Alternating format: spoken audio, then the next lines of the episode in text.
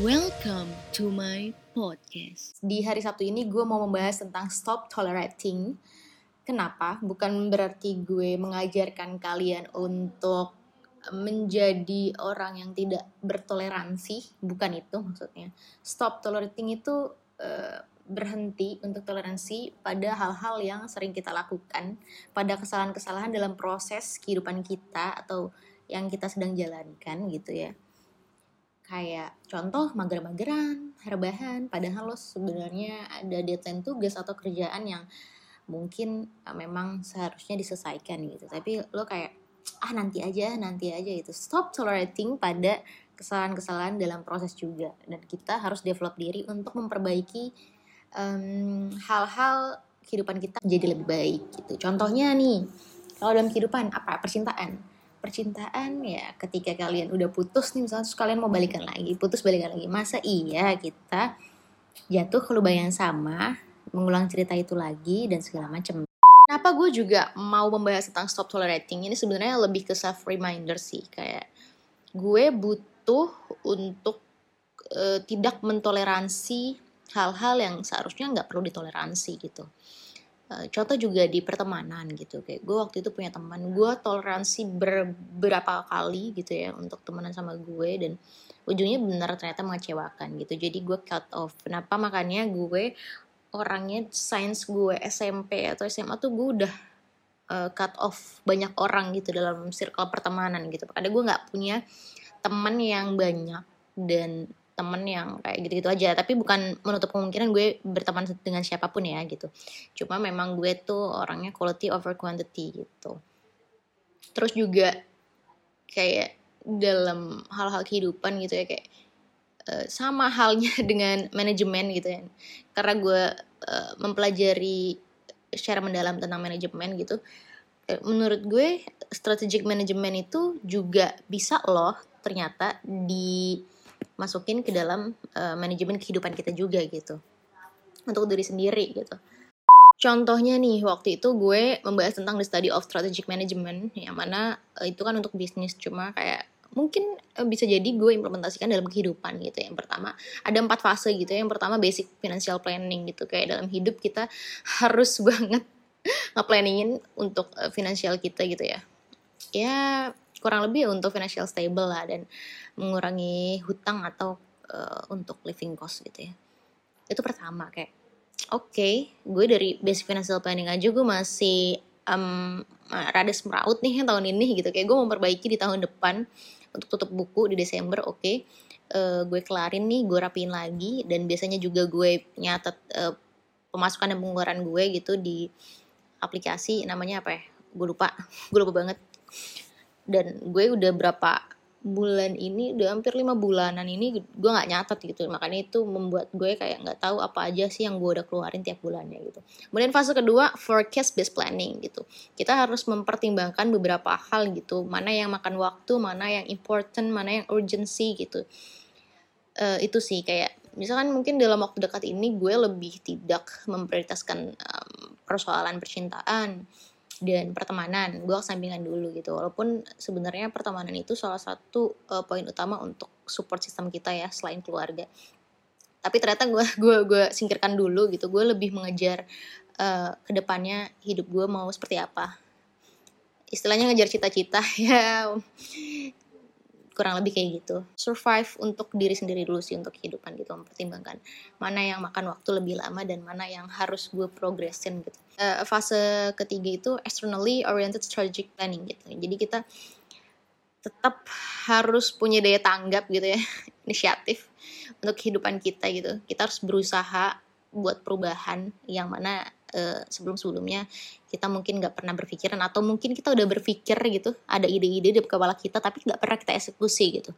Nah karena banyak ide nah kemarin tuh gue ngobrol ya ketemu sama temen gue yang di Surabaya itu dia juga bilang bahwa dia memikirkan hal yang sama gitu ada ide-ide di kepala dia dan ternyata uh, beberapa tahun kemudian ide itu udah dirilis sama orang lain gitu. Kayak gue waktu itu punya planning gitu ya bikin coffee shop yang mana tapi konsepnya kayak garden gitu eh, rumput-rumput hijau buatan gitu yang mana orangnya pakai pakai bean bag gitu ya kan segala macam. Nah, sekarang udah banyak banget kan. Itu gue udah mikirin beberapa tahun yang lalu tapi nggak pernah gue eksekusi. Nah itulah sebenarnya ada banyak ide-ide yang bukan datang dari diri kita sendiri tapi dari orang lain tapi kita nggak pernah eksekusi itu. Jadi kita punya kompetitor istilahnya gitu ya punya persaingan gitu dalam hidup.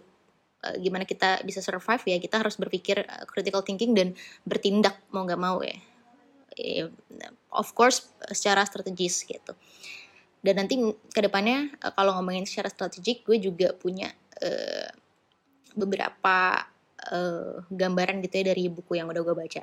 Uh, terakhir last but not least fase keempat itu ada strategic management yang tadi gue bilang gue singgung. Untuk mengembangkan diri dan tahu uh, integritas kita tuh seberapa gitu kita tuh harus fokus gitu. Nah gue tuh sering kali gagal fokus mulu orangnya.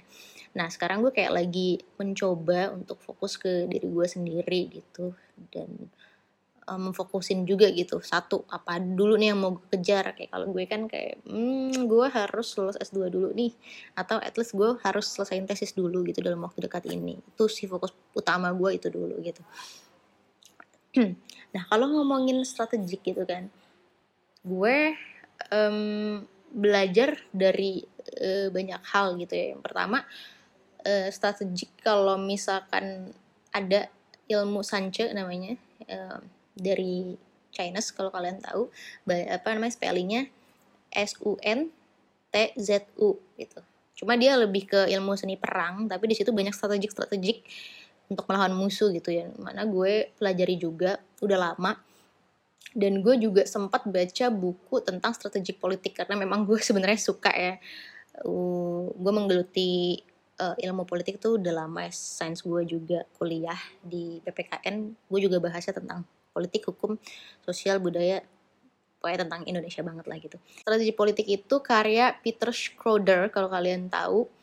Bacaan uh, cover bukunya depan itu For Die for Hate gitu itu covernya itu gambar catur.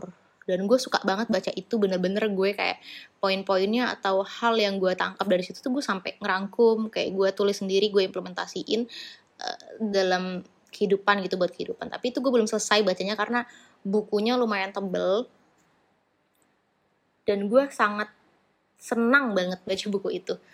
Awalnya kan gue juga bilang gitu kan ke teman gue kayak kalau baca buku gue nggak gitu suka kalau baca buku yang nggak relate gitu dan nggak nggak nggak yang fiksi gitu kayak novel gitu gue nggak suka. Tapi kayak gue mencoba aja dulu budaya literasi salah satunya membaca dengan membaca. Ternyata gue kayak ketagihan gitu. Itu gue ketagihan dari kuliah kali ya.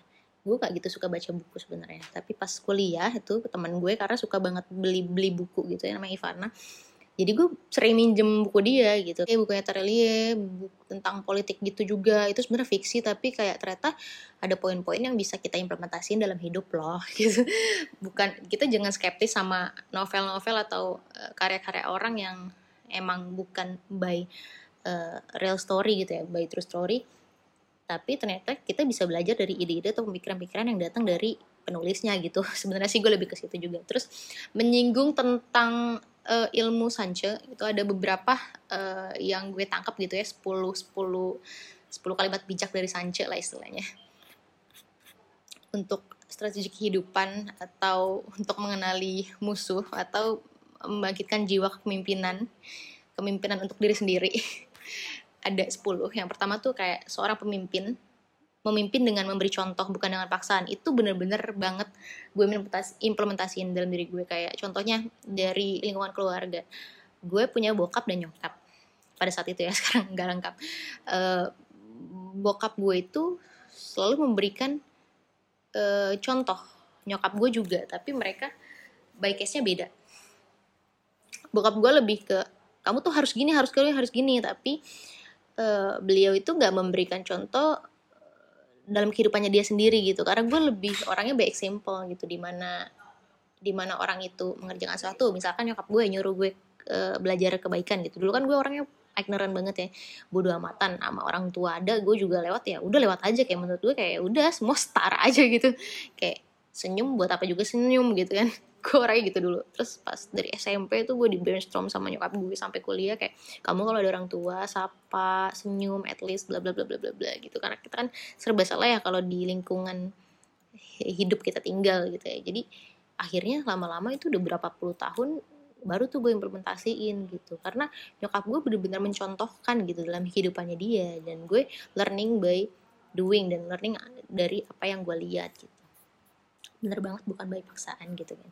Yang kedua itu lo harus percaya pada diri lo sendiri. Walaupun terkesannya klise tapi Sancho tuh Sancho tuh ngomong kayak gitu ya. You have to believe in yourself tuh bener banget. Karena banyak orang yang gue temuin dan potensial menurut gue tapi ternyata dia insecure sama dirinya sendiri. Nggak percaya sama dirinya sendiri.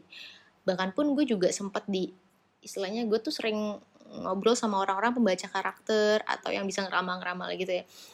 Uh, teman-teman teman sosmed gitu ya istilahnya. Kamu tuh sekarang lagi kurang percaya diri gini gini gini, gini. oh gitu ya. Kayak hmm, menarik. Berarti kalau misalkan kita kurang percaya diri itu akan berdampak juga loh gimana orang memperlakukan kita gitu. Ketiga memperlihatkan kelemahanmu saat kamu kuat dan kekuatanmu saat kamu lemah gitu. Jadi dibalik nih gitu. Sok-sok lemah aja pas lo kuat jadi nggak ada orang yang bisa nyakitin lo istilahnya gitu ya. Ya kuat kuat pura-pura kuat aja saat lo lemah biar orang nggak lihat gitu kelemahan lo kan istilah gitu ya. Terus keempat ini sangat menarik banget. Untuk mengetahui siapa musuhmu kamu harus menjadi seperti mereka. Nah, kalau Sancho bilangnya kan pakai bahasa Inggris you know your enemy you must become your enemy ya lo harus jadi musuh lo gitu. Gimana sih musuh lo cara berpikir musuh lo bla bla bla bla bla bla bla. Ini mungkin kalau dalam kehidupan bukan musuh ya tapi kayak uh, gimana sih orang lain gitu yang jadi saingan lo gitu. Karena kan kita dalam hidup ya ini kan survive kan. Gitu. Terus kelima jaga temanmu agar tetap dekat dan musuhmu lebih dekat lagi gitu. Bener banget sih kadang temen pun yang deket gitu aja bisa jadi musuh kan bisa ngomongin lo setelahnya gitu. Kayak gue juga kasihan sama kalau kalian tahu berita-berita kemarin tuh ada Natalie Hotzler itu mantannya Sule sekarang lagi dijelek-jelekin sama sahabatnya sendiri. Dulu sahabatnya sendiri terus sekarang ngajak jelekin gitu kayak betapa mengerikannya gitu kan dunia pertemanannya bisa menusukmu dari belakang. Nah kalau musuhmu itu harus lebih dekat lagi justru. Jadiin uh, musuh lo adalah teman lo gitu. Makanya gue tidak menutup kemungkinan untuk semua orang yang bahkan sebenarnya gue gedek nih sama orang. Kayak gue nggak cocok nih gue nggak sefrekuensi nih. Gue tidak sevisi misi tujuan hidup nih sama temenan. Tapi kan teman itu banyak circle-nya ya banyak bulutannya. Bisa masuk circle satu dua tiga empat lima gitu. Di mana lo bisa menempatkan mereka aja gitu. Kalau gue sih tetap berprinsip trust no one gitu kan. Terus apalagi ya Uh, terus yang keenam, strategi tanpa taktik adalah jalan yang paling lama menuju kemenangan. Taktik tanpa strategi hanyalah kebisingan menuju kekalahan. Yaitu yang tadi gue bilang dalam bukunya strategi politik itu juga dibedakan antara strategi dan taktik itu it's different things. Kalau kalian mau baca, baca aja. Itu sangat menarik banget dan gue sangat terbuka setelah membaca beberapa halaman itu ya. Tapi gue belum kelar. Dan bukunya ketinggalan di Jakarta Kemudian ketujuh, biarkan rencanamu tidak terlihat agar saat kamu bergerak rencanamu akan jatuh seperti petir gitu. Bener banget sih, kayak lo nggak usah mengglorifikasi tentang gue punya plan A, B, C, D gitu. Nggak perlu gitu. Nanti karena karena orang itu bakal melihat lo ya by ini nggak sih hasil nggak sih? Ya cuma result oriented kan orang-orang tuh cuma ngeliat lo orang-orang tuh nggak peduli don't give a fuck with your process gitu jadi yang gelap biarlah menjadi gelap yang terang biar jadi terang, terang gitu. Tapi tetap ingat juga ada hitam di atas putih ada putih di atas hitam gitu. Yin and yang. Nah, fun fact juga nih kemarin juga ada yang sempat protes gue kan kenapa sih lo pasang bio yin and yang? gitu. Karena gue sebenarnya sengaja gue tahu banget namanya yin and yang. Tapi gue nggak gue nggak nggak ngomongin kenapa alasannya gitu ya. Karena um, dalam bahasa apa ya tuh dalam bahasa apa gitu yang itu adalah cowok. Ying itu adalah cewek. Jadi gue mengartikan yang and yang itu ada hitam di atas putih ada putih di atas hitam atau di dalamnya gitu itu mengibaratkan gue sama abang gue gitu. Dan kita tuh nggak tahu ya udah sampai keturunan berapa. Pokoknya gue nggak boleh makan lele gitu sampai tujuh turunan mbah buyut gue karena ada ada satu dan lain hal gitulah yang nggak gue bisa ceritain di sini.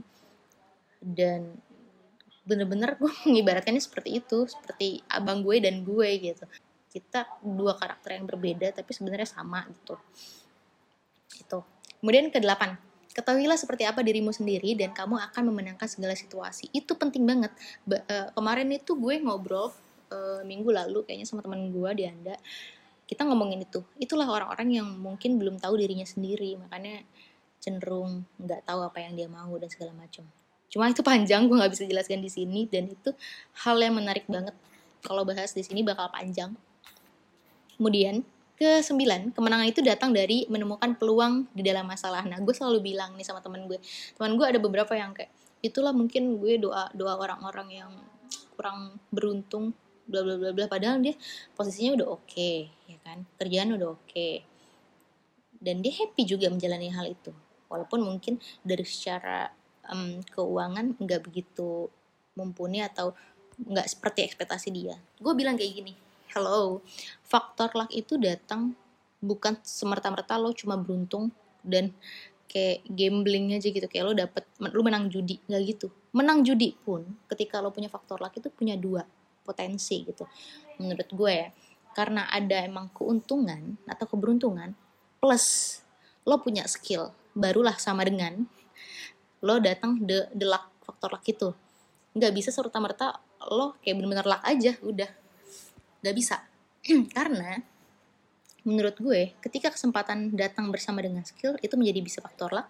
Ketika lo nggak punya kesempatan tapi lo punya skill lo bisa aja nggak luck. Ketika lo punya skill tapi lo nggak punya kesempatan lo bisa aja nggak luck. Unlucky istilahnya kan bisa aja. Makanya menurut gue kalau orang-orang yang beruntung gitu selalu dapat jackpot dalam hidupnya gitu mungkin orang setiap setahun sekali dapat jackpot gitu ya. Kalau ini dia kayak sebulan sekali atau berapa enam kali dalam setahun. Menurut gue dia berarti orang yang potensial gitu. Punya kesempatan dan dibarengi dengan skill dia yang dia punya gitu.